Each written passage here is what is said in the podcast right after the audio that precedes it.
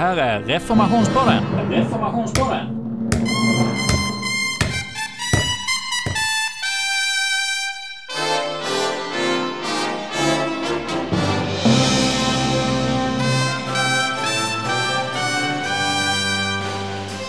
Idag har vi kommit fram till det tredje avsnittet av Reformationspodden, en programserie på åtta program producerad av Kyrkliga Förbundet.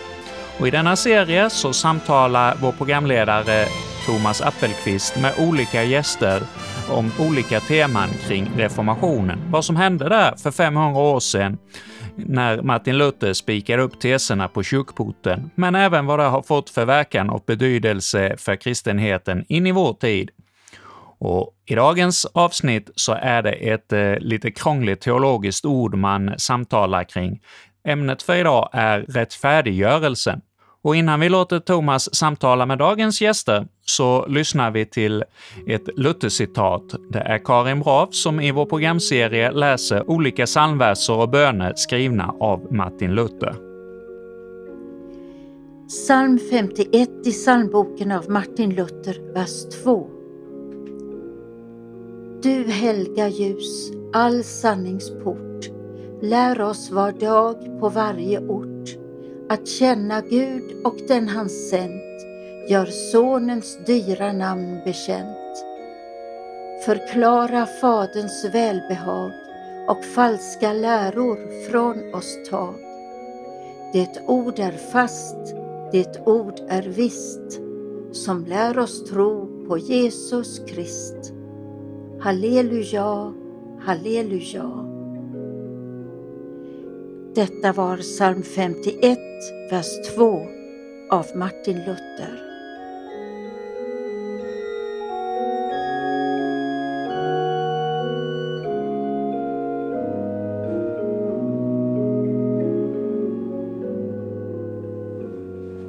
Begreppet rättfärdiggörelse är temat för det här programmet. Eh, och det är ett svårt eh, begrepp, viktigt begrepp förstås. Det är därför vi ägnar ett helt program åt det. Men skulle man lyfta fram ändå huvudtexten i luthersk tradition kring rättfärdiggörelse så skulle det bli eh, Augsburgska bekännelsen, eh, artikel 4. Och eh, den i sin tur bygger väldigt nära på Romarbrevet kapitel 3 och 4. Men det jag tänkte läsa som inledning för er det är alltså Augsburgska bekännelsens fjärde artikel. Där det står så här om de lutherska teologerna.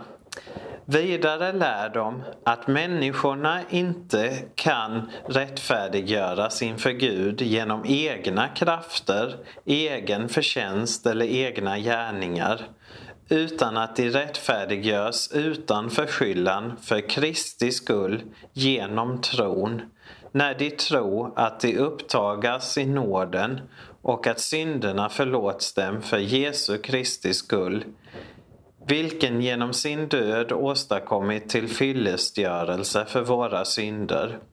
Denna tro tillräknar Gud som rättfärdighet inför honom. Det var Melanchtons skrift. Eh, nu ska vi börja med att jag talar med Eva-Lotta Grantén som arbetar eh, som stiftsprost inom Lunds stift i Svenska kyrkan. Och, han, och, Luther målar ju upp den här klassiska bilden av domstolsscenen då, liksom att, att när synden anklagar oss så ser inte Gud synden utan det Gud ser i oss, eller på oss och genom det är genom Kristus som var helt och hållet rättfärdig. Så att när, när ehm, rättfärdiggörelsen sker och vi tillägnar oss rättfärdiggörelsen eh, då, eh, genom Kristus försoning, då är vi helt och hållet rättfärdiga i Guds ögon. Och vi behöver inte lägga någon energi längre på att försöka vare sig framstå som rättfärdiga eller bli bättre människor. Lägg istället energin på att tjäna din nästa, det kan man väl säga om man skulle beskriva Luther lite modernt. skulle han säga. Så att, Luther hade nog också uppfattningen om att den fullkomliga rättfärdigheten hos människan som blir synlig, den sker nog först vid varje människas uppståndelse. Då lägger vi av oss det gamla syndfulla, liksom, den gamla människan. Han använder ju de uttrycken. Den gamla människan det är syndaren och den nya människan skap, eh, som skapas ny i oss genom tron. Det är den rättfärdiga människan. Men de lever parallellt och vi är helt och hållet både och ja. hela tiden. Mm. Vad innebär det att vara rättfärdiggjord? Jag tycker ju egentligen bättre om till och med ordet rättfärdigförklarad. Ja. Du är att, enklare framförallt. Vi kan börja med det. Att, för rättfärdiggjord har ju liksom någon form av, som absolut är en del av det, men att det är framförallt någonting som har hänt med mig. Men rättfärdiggörelse av nåd alena genom tron alena på grund av vad Kristus har gjort för oss alena skulle jag vilja säga så här att det är någonting som har skett utanför mig. Det är inte främst någonting som sker i mig eller med mig. Utan det som har skett, det har skett i och på grund av Kristus. Av nåd räcks det mig och genom tro tillräknas det mig. Det vill säga den rättfärdigheten, den ställningen som Jesus Kristus har inför Fadern, den har jag nu inför Fadern i Kristus. Det är de goda nyheterna.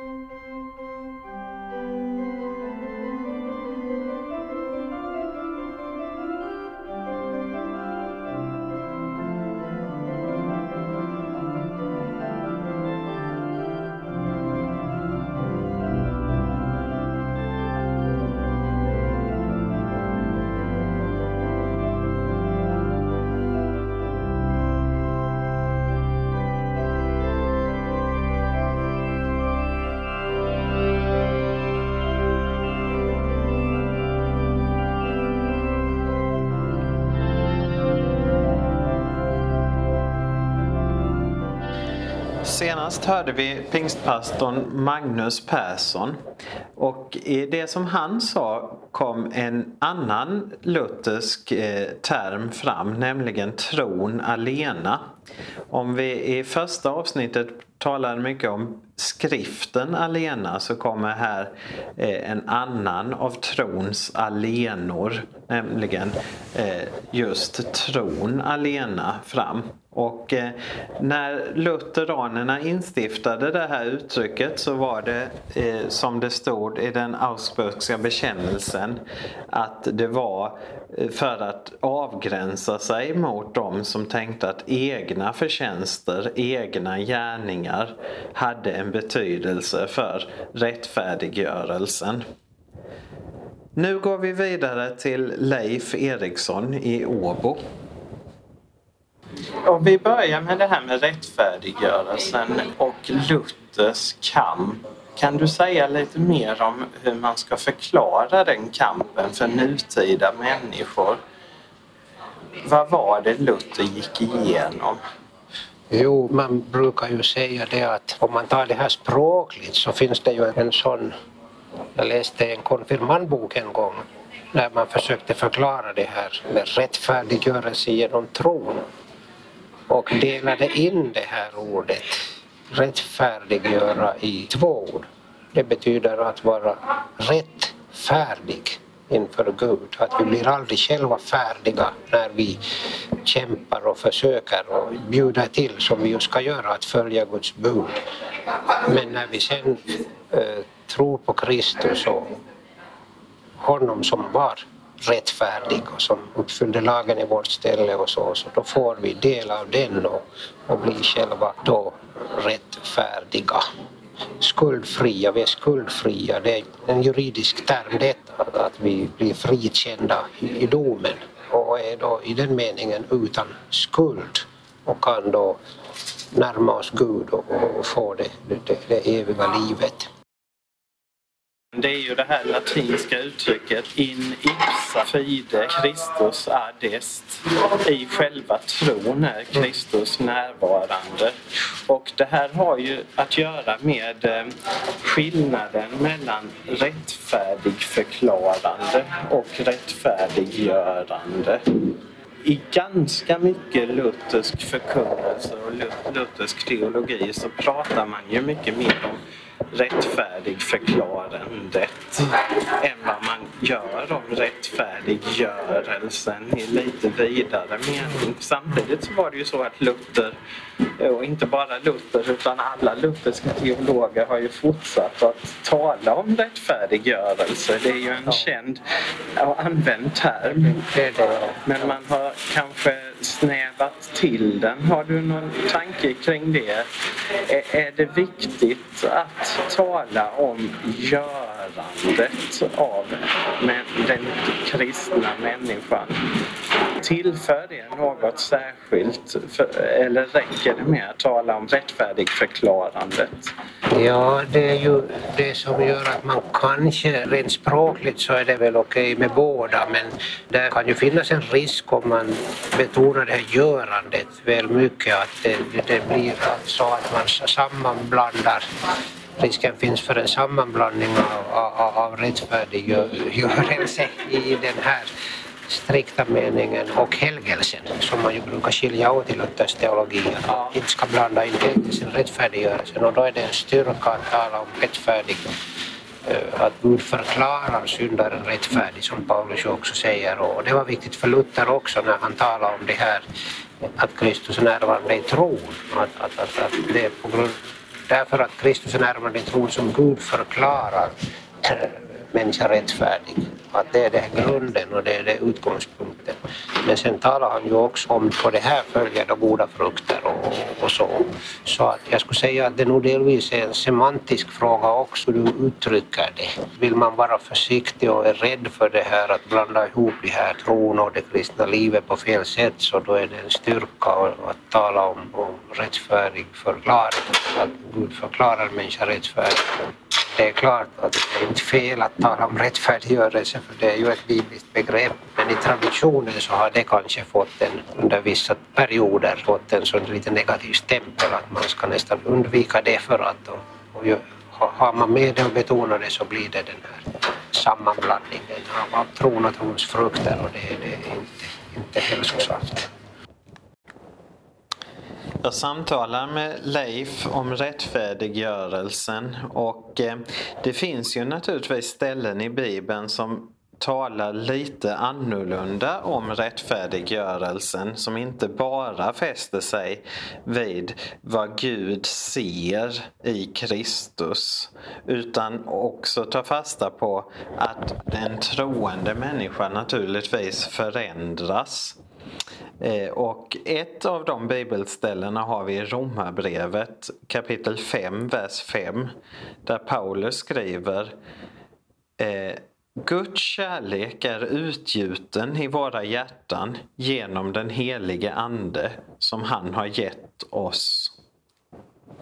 Det här med en kristen människas förändring är något som står i fokus när jag nu går vidare till nästa intervju. Det är med Gösta Hallonsten som var min handledare när jag skrev eh, min doktorsavhandling och som själv är romersk katolik.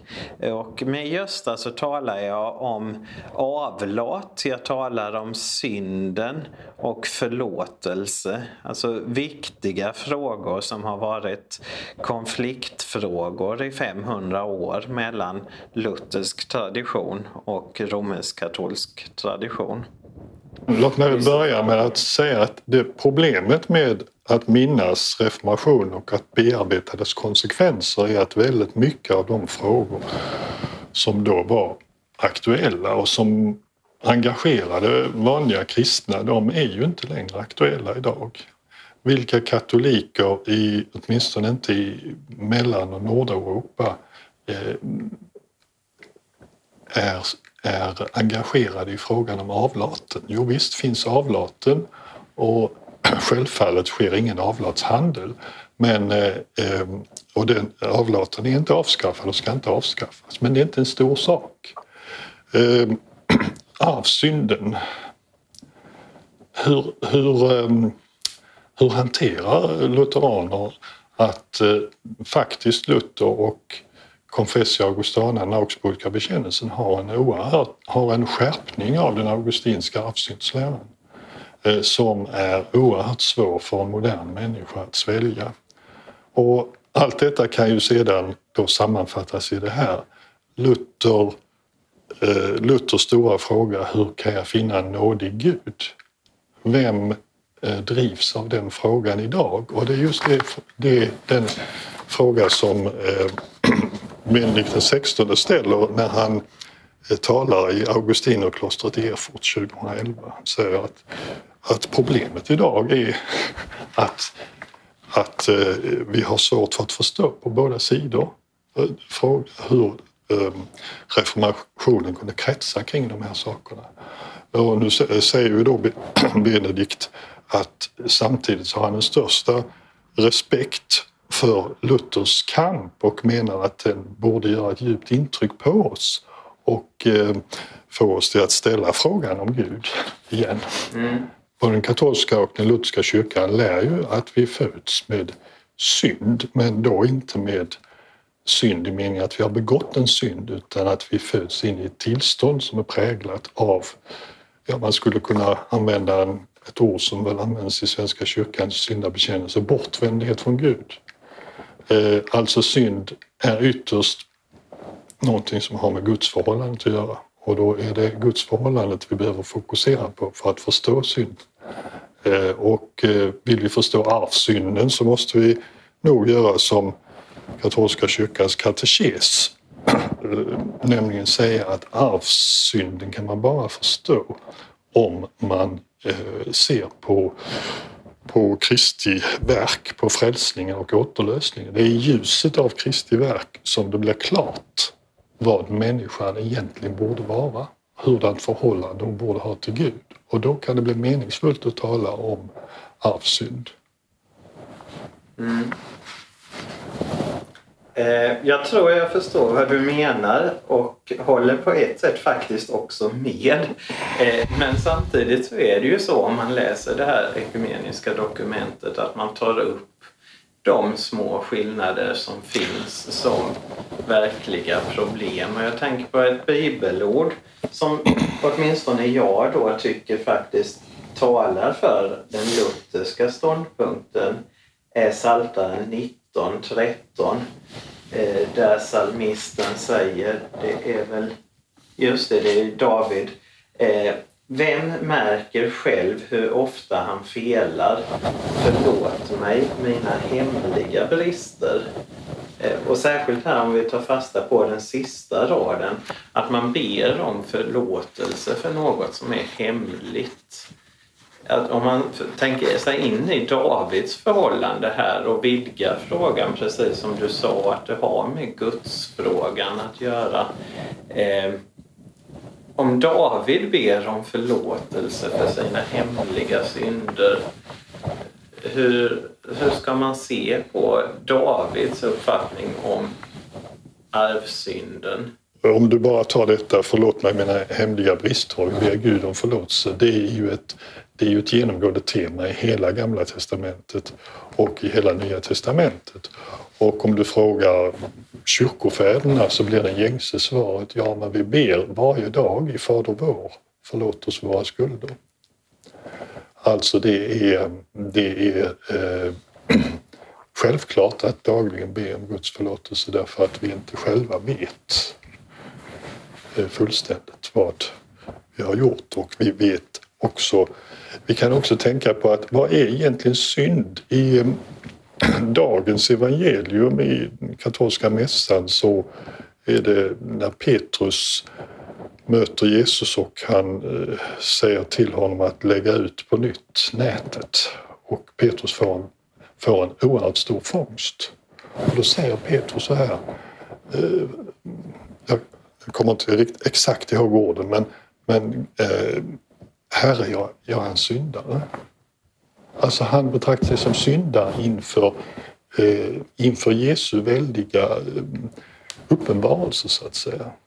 Det betyder inte nödvändigtvis att han har gjort, begått något Nej. enstaka fel utan att det är eh, synden har, har sin Begreppet synd har sin mening i förhållande till den Gud som är så god och så stor att det överväldigar oss. Och detta överväldigande det är liksom syndamedvetandet kan man säga. Men alltså det, allt detta har ju då inte lett till en arvsyndslära i egentlig mening för hos Augustinus. Och um, Ehm, um, kyrkofäderna för Augustinus och den östliga kyrkan idag, än idag, har ju ingen arvssynslära i den meningen att man föds med skuld, som Augustinus och Luther menar. Utan eh, vad det handlar om är att syndafallet har haft konsekvenser. Den främsta konsekvensen enligt den östliga teologin är, är döden. Och också att vi har blivit försvagade i vår motståndskraft mot eh, frestelser frestelse och begär och, och självfallet också inte spontant söker Gud. Ehm, man kan då säga att den östliga teologin har en ganska optimistisk människosyn. Men samtidigt så så har man, eh, om man går i en östlig liturgi så är den genomsyrad av uh, Kyrie eleison-ropet. Mm. Och läser man ökenfäderna eller stora ortodoxa andliga fäder så finns det ett utvecklat syndamedvetande som står i paritet med Luthers uttalanden men har inte lett till en arvsyndslära i den meningen som, som Luther har. Och allt det där borde man, borde man kanske tala om lite mm. närmare. Ehm, för, för, för katolsk uppfattning så är det ju också så att även om, även om Augustinus arvsynslära är officiell katolsk lära så handskas man ju med detta i praktiken ungefär på samma sätt som den östliga kyrkan. Det vill säga, vi ber självfallet i Fader vår och dagligen om våra synders förlåtelse just därför att vi har hemliga brister och för att vi inte vet. Eh, vi vet inte allt som Gud gör. Men eh, när det gäller att be om förlåtelse för konkreta synder så måste det vara just detta och det är där som biktens mening är. Att det, det ger en, en tydlig eh, absolution, förlåtelse för det som jag vet med mig att jag har gjort. Och det, är, eh, det upplever de flesta katoliker som en stor hjälp att man uppmanas att eh, eh, Eh, med viss regelbundenhet rannsaka sig själv och eh, med ord bekänna sina synder inför en präst och få, få förlåtelse, få en sakramental absolution. Det är liksom själva konkretionen i det. Men den absolutionen, att, att prästen ger absolutionen konkret betyder ju inte att, att inte Gud så att säga egentligen i grunden redan har förlåtit mig. Det är bara det att det här är det sätt varpå Guds nåd och förlåtelse förmedlas. Eh, när du sa det här eh, om att man går till bikt för att få förlåtelse för de synder som man vet om så kommer jag att tänka på att, eh, och du understryker ju det väldigt tydligt, fördelarna med att få höra det, eh, förlåtelsen för de synder som man vet om. Men om vi konkretiserar det här bibelstället med ett eh, lite tydligare fall. Det kan ju vara fall eh, döpta människor i livets början eller döpta människor i livets slut där man alltså på ett så uppenbart sätt lever mot Guds vilja. Man skriker och eh, kräver människors uppmärksamhet och eh, eh, är jobbig och en belastning för sin omgivning. Men samtidigt så gör man ju inte dessa handlingar av medveten vilja ehm, om man sätter in det här i fråga om Guds relation, är det så att man inte ser det detta då som synd i ett katolskt tänkande? Jo, naturligtvis är det, är det synd. Alltså allting som är, är brott mot Guds bud och att handla enligt Guds eh, avsikt och vilja är naturligtvis synd. Men du, du eh, Eh, Men då behöver man väl förlåtelse för Självfallet det behöver man förlåtelse. Man får förlåtelse även för sina hemliga brister. Men det är bara det att i bikten så ska du bara bekänna det som du är medveten om. Men det hindrar ju inte att du får förmaningar från din biktfader eller predikan av en präst som gör att du, att du rannsakar dig själv. Och det ska man ju göra. Vi har ju biktspeglar. Ja. Kan, det finns i den katolska bönboken utförliga viktspeglar där man, som egentligen är väldigt bra att läsa igenom därför att de ger ju de kan vara väldigt detaljerade och eh, ger ju en vägledning och, eh, och råd om hur man bör leva, vad man bör tänka på. För det som är ditt exempel här med en odräglig människa. Den odrägliga människan syndar naturligtvis. Men vad som behövs för den människan är ju att, man, att en annan människa först gör vederbörande uppmärksam på att eh, handlingssättet inte är gott. Det är in, du skadar dina medmänniskor. Skadar du dina medmänniskor så bryter du mot Guds bud. Det var Gösta Hallonsten och eh, någon eh, av er som lyssnar på det här nu kan kanske bli förvånade över att jag verkade hålla med Gösta så pass mycket som jag ändå gjorde. Eh, när han till exempel säger att den lutherska teologin skärper den arvsyndslära som finns i all augustinsk tradition. Att det är svårt för en modern människa att tro på eh, en så allvarlig syn på synden till exempel som Luther har.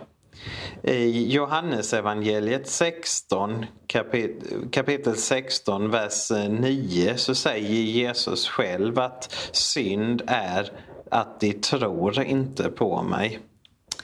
Och eh, det är ju därför lutherska teologer hävdar att tron måste vara en gåva. Den kan inte vara någonting annat än en gåva. Människan har alltid någonting i sig som inte tror på Gud. En bön av Martin Luther ur en liten bönbok i psalmboken. Käre Fader i himmelen, du vet att inte ett gott finnes hos mig. Men jag beder dig att du ville vända din blick på din son, min medlare, förespråkare och frälsare, och att du ville för hans skull giva mig ett saligt slut och en glad uppståndelse. Låt Jesu Kristi blod icke vara förgäves utgjutet, utan låt det hos mig verka bättringens frukt till mina synders förlåtelse. När helst du sedan kallar min ande till dig, vare den, o käre Fader, befalld i dina händer. Tag den upp till dig för evigt. Amen. Ja, det här det var Karin Brav som läste för oss ur eh, psalmbokens lilla bönbok ”Käre Fader, du vet att inte ett gott finns hos mig”. Och denna bön är skriven av Martin Luther. Och vi ifrån Kyrkliga Förbundet vill nu tacka alla våra medverkande i dagens reformationspodd. Karin, Thomas och alla våra gäster. Och vill ni veta mer om våra gäster så finns möjligheten på Kyrkliga Förbundets hemsida, kyrkligaförbundet.se, under radiofliken, där vi har inspelningen om Reformationspodden samlade. Där finns presentationer av var och en av dem som medverkar i den här programserien Reformationspodden. En programserie på åtta program. Och den här ah, programserien sänds på en del radiostationer, men kan också då lyssnas på via hemsidan och även i poddradioappar. Sådana appar som man har i smartphonen och kan eh, samla och prenumerera på olika podcasts.